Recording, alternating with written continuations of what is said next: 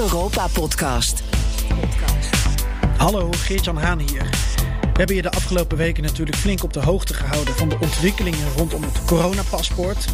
Waaronder ook nog bij de allerlaatste podcast, die op donderdag 20 mei online is gekomen. Maar ja, zal je net zien dat er vlak daarna een akkoord is. Een akkoord dat is gesloten tussen de uh, Europese wetgevers, het Europees Parlement en de Raad, de lidstaten. En we laten je toch graag even horen hoe dat is afgelopen. Daarom een Europa-podcast extra. Met daarin twee korte gesprekken die je gewoon even bijpraten. Die na de bekendmaking van de uitslag gevoerd zijn en wat duiding geven.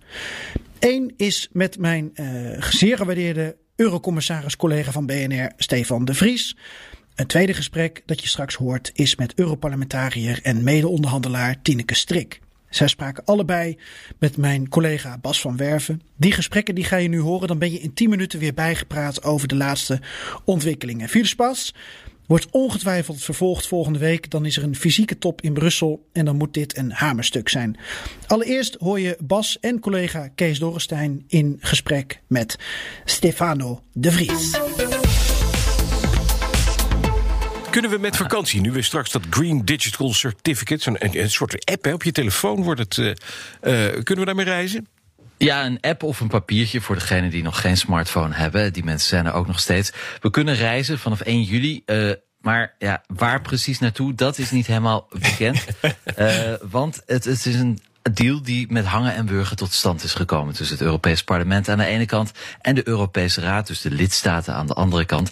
En ja, het Europees Parlement spreekt echt van een heel minimaal akkoord. Er is overeenstemming over het certificaat zelf. Ja. Dus dat wordt waarschijnlijk een QR-code in je smartphone of op een papiertje. Mm -hmm. Maar de nationale lidstaten mogen zelf eigenlijk nog bepalen uh, hoe uh, dat precies wordt ingevoerd. Ja, ja. En ook of er af en toe nog uh, andere restricties ingevoerd worden, zoals quarantaineregels of gebieden die worden gesloten als er ineens een uitbraak is. Dus ja, ja het Europees Parlement is niet blij. Die wilde gewoon één regel voor heel Europa, dat alle Europeanen konden reizen.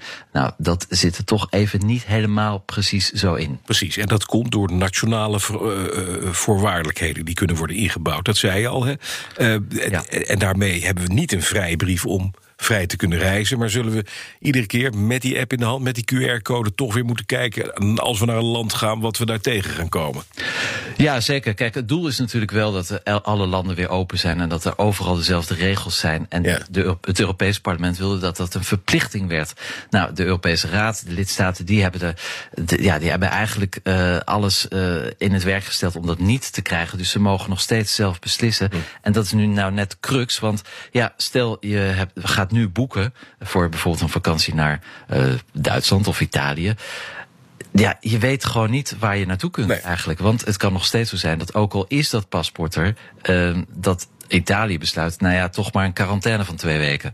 Nou, als je een vakantie hebt geboekt van drie weken, dan, dan, is het, dan valt het natuurlijk volledig in het water. Dus het is nog steeds, eigenlijk, ja, zijn we niet heel ver opgeschoten met de situatie zoals die nu is. Dus eigenlijk, op het moment dat ik op vakantie moet, moet ik nog per land naar het, uh, de, de BUSA-website om te kijken, mag ik er naartoe met één vaccin? Mag ik er naartoe met twee vaccins? Moet ik dan in quarantaine en ho ja. hoe die, al die regeltjes zitten? Ja, eigenlijk wel. Dat, dat is theoretisch mogelijk. Ik denk dat in de praktijk heel veel landen wel uh, een één regime zullen kiezen. Uh, want het toerisme is gewoon natuurlijk noodzakelijk voor uh, de economie van heel veel landen, maar ook noodzakelijk voor heel veel Europeanen. Het hoort gewoon bij het leven. Uh, de zomer komt heel snel dichtbij. de landen zijn erbij gebaat om mensen te ontvangen. Ja, tuurlijk. dus ja, maar goed, het, het is niet de wens die het Europese parlement uh, had. Ja. En ja, dus eigenlijk ook niet uh, wat de Europese burgers uh, zouden willen. Ja, en dan zou je je afvragen, dit was een triloog, hè? inderdaad, de Europese Raad, Europees Parlement en de Commissie. Kan de Commissie ja. niet op een gegeven moment beslissen? Jongens, weet je, allemaal hartstikke mooi, maar wij hakken de knoop door. We gaan het, we gaan het zo doen. Er komt een eenvormig certificaat voor heel Europa klaar. En hier moet je het mee doen. Nou, kijk, over dat certificaat, dat is dan een juridische kwestie. Daar is geen, uh, daar is geen over. over. Nee, nee, precies, de invulling. Dat juist. komt gewoon. Ja. ja. de invulling daarvan. Ja, ja zolang dat is de toch lidstaten blijven ja. zeggen, dat doen we gewoon zelf. Bekijk het maar, commissie. Uh, kan de commissie uh, springen, hoog of laag. Maar dat gebeurt niet, nee, niet zo heel veel. Nee. Er werd ook gesteggeld, Stefan, over die, over die PCR-test. Al of niet gratis, ja. zo'n stok in je neus. Um, daar komt nu 100 miljoen voor vrij. Gaan we die inderdaad gratis krijgen nu, als we getest moeten worden, omdat we naar het buitenland moeten? Nou, ook dat is weer aan de lidstaten. De commissie heeft inderdaad toegezegd 100 miljoen euro te geven uit het, uit het eh, noodfonds. Uh, daar kan nog een keer 100 miljoen euro bij komen. Maar ja, die testen die kosten in sommige landen, zoals in Nederland, al 100 euro. Dus dan heb je het over, ja, dan kun je 1 miljoen testen bekostigen, laat je het betalen tegen de kostprijs misschien 2 miljoen. Er zijn 450 miljoen Europeanen. Ja. Dus daar ben je heel snel doorheen. Nou. Maar ook dit wordt weer aan de lidstaten overgelaten. En we hebben gezien gisteren in Nederland in de Tweede Kamer... dat de Tweede Kamer wel is voor een gratis test. Maar het kabinet nog niet. Dus ook daar is het weer aan de hoofdsteden en heeft Brussel uh, weinig uh, in de melk te brokkelen. Uh, even kort samengevat, een beetje cynisch wellicht. Van, we hebben zes weken vergaderd en ja. we hebben een QR-code. Punt. Ja, ja, punt, ja, punt com. Ja. nee, absoluut, dat is het. Uh, en, en dat, is ook, dat leidt ook tot grote frustratie bij het Europees Parlement. Ja. Uh, de Europese parlementariërs zijn absoluut not amused. Uh, maar hier zie je maar weer eens dat ja, Europa, de Europese Unie, is soms helemaal geen Unie. Nee. En uiteindelijk, als de lidstaten aan de rem trekken, dan, dan gaan we echt niet vooruit. En in dit geval kan zelfs onze vakantie in het water komen te vallen. Ik denk overigens dat het wel mee zal vallen dat echt de meeste landen kiezen voor een pragmatische oplossing. Ja. Dat we eind juni, uh, ja, in ieder geval de mensen die gevaccineerd zijn, of al corona hebben gehad, uh, of een negatieve PCR-test hebben gedaan, dat die gewoon dat ding op hun smartphone hebben en dat ze gewoon kunnen doorrijden hm. naar uh, ja, de Spaanse kust of naar Portugal of waar dan ook. Hm. uiteindelijk gaat het toch om een pragmatische oplossing, om de economie, om, de toerisme, om het toerisme op gang te brengen. Ja. Dus ja, het zal uiteindelijk, de soep zal uiteindelijk niet zo heet worden gegeten als wordt opgediend. Maar het is wel een teleurstelling.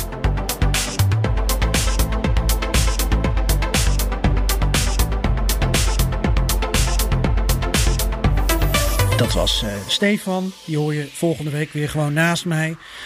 Misschien goed om toch nog even, voordat we naar het gesprek met Tineke Strik gaan, een paar andere reacties mee te nemen. Want de afgelopen weken heb je gehoord dat het Europees Parlement met een plan was gekomen. Heel snel op voordracht van de Europese Commissie. En er zaten ook een aantal Nederlanders bij die mede-onderhandelaar waren. Dat heet in Brussel dan rapporteur of schaduwrapporteur. Je hebt een Spanjaard, dat is uh, Lopez Aguilar. Hij is de rapporteur, oftewel de voorzitter van de commissie die dit uh, coronacertificaat in elkaar heeft getimmerd. En daaronder heb je vanuit de verschillende Europese fracties heb je ook Nederlandse schaduwrapporteurs. Sophie In het Veld namens uh, Renew Europe. Uh, Jeroen Lennaars uh, namens de Christendemocraten en Tineke Strik namens de Groenen. Misschien goed om even de reacties mee te nemen van hen. Want Lopez Aguilar die zegt van ja, uh, hiermee voorkomen we in ieder geval met dit akkoord dat het de rampzomer van 2020 uh, wederom wordt. Al hebben we niet alles gekregen wat we wilden. Nou, Jeroen Lennaars geeft ook aan, het waren uh, hele moeilijke onderhandelingen. Maar dit is een mooie en goede uitkomst. Hij is niet uh, negatief over de uitkomst. Hij vindt het belangrijk dat er een uniform Europees digitaal COVID-certificaat is gekomen. Dat in de hele EU zal worden erkend. En dat grensoverschrijdend reizen enorm zal vereenvoudigen, zegt hij. En hij noemt het gewoon een goed compromis. Tot slot Sophie in het veld. Zij is wat minder uh, optimistisch. Natuurlijk is ze blij met dat er een, uh, een compromis is bereikt. Uh, ook dat er 100 miljoen euro extra is vrijgemaakt om een beperkt aantal gratis PCR-testen te financieren. Maar ze zegt wel ook, ja, de houding van de nationale regeringen in deze onderhandelingen, dat was teleurstellend. Iedere poging om regels gelijk te trekken of om de dure reistesten betaalbaar te maken, die stuitte op weigering. Dan nu het gesprek van collega Bas van Werven en Kees Dorrestein met Tineke Strik, die dus onderhandelaar namens de Groenen was. En dat betekent dat zij als schaduwrapporteur uh, meepraten en meebesloot namens het Europees Parlement over het plan dat op tafel kwam te liggen en dat dan vervolgens dus is voorgelegd ook aan de lidstaten, uh, aan de Raad en waarmee is onderhandeld. Er komt deze zomer zo'n Europees coronareiscertificaat. Oftewel zo'n Green Digital Certificate of een coronapaspoort, hoe je het noemen wil. Na lang overleggen was er gisteren uiteindelijk witte rook in Brussel. De bedoeling is dat er vanaf 1 juli wordt gereisd met een certificaat. En die staat dan in een app of je krijgt hem op een papiertje. En het is een QR-code. Nou, dat betekent niet dat reizigers vanaf dan vrij kunnen reizen. Daarover kon geen overeenstemming worden bereikt. En dus mogen landen nog altijd van reizigers vragen, ieder voor zich... of die een test moeten ondergaan of in quarantaine moeten... Bij ons Tineke Strik, Europarlementariër van GroenLinks... betrokken bij de onderhandelingen. Mevrouw Strik, goedemorgen. Goedemorgen. Zes weken gepraat, uitkomst één QR-code. Gefeliciteerd. Dankjewel. Maar die QR-code is toch een soort poortweg naar onze vrijheid. Want uh, wat voor ons heel erg belangrijk was, is als je zo'n certificaat hebt, uh, dat er dan ook geen extra restricties meer mogen zijn. Dat dat ook echt betekent dat je de grens over mag ja, en niet is... alsnog in quarantaine. Maar dat is niet de uitkomst geworden. Ja, ik hoorde u dat zeggen. Ja. ja. ja. En ik hoorde u dat zeggen en daar hebben we natuurlijk heel veel uh, uh, strijd over gehad met mm -hmm. de lidstaten. Want de lidstaten die wilden nog steeds de vrijheid dan behouden om zelf te bepalen welke extra regels ze dan zouden ja, opleggen. En die vrijheid hebben ze En wij gekregen. zeggen van ja, ja, als je dat doet, wat is dan de meerwaarde van zo'n certificaat? Ja. Hè? Want dat is al een bewijs Nee, dat je of bent gevaccineerd, Ja. of een negatieve test hebt, of dat je Maar, al eh, Stik, corona hebt gehad. En daarom zei ik al, ja, wat hebben we er eigenlijk aan? Helemaal niks. Want als eigen Nee, landen maar- op basis van eigen soevereiniteit nog toch wel iets besluiten. Ja, ja, wat nou? Nou, wat Nou, dan? ja, precies. Ja, dat u zegt het is een poort naar de vrijheid. uitleggen. Maar dat is het niet. We hebben een QR-code, dat hebben we. Oké, we hebben Ja, een QR-code. precies. En wat we nu in de verordening hebben eh, eh, opgenomen, is de regel Mhm. dat eh, lidstaten, als je zo'n certificaat laat zien, geen extra maatregelen mogen opleggen. Dus quarantaine, wat dan ook, wat, wat voor beperkende maatregelen dan ook. Nee. Tenzij, en dat is dus de uitzondering, Mhm. als er om epidemiologische redenen, dus echt die verband houden met de, met de, met de pandemie.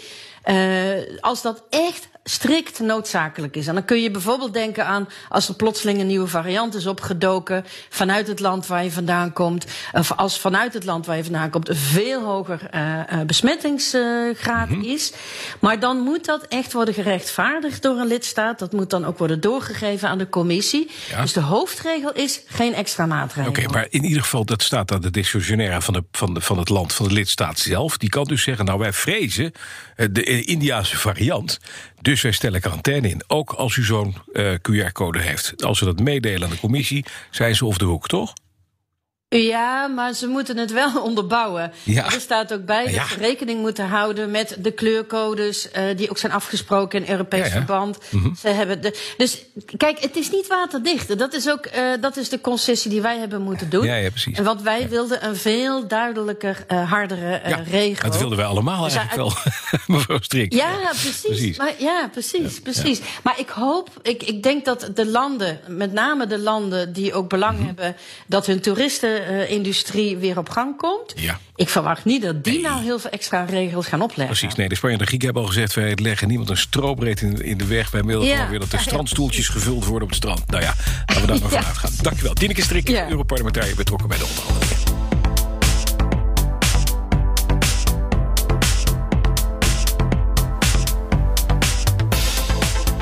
Tot zover deze Europa-podcast extra.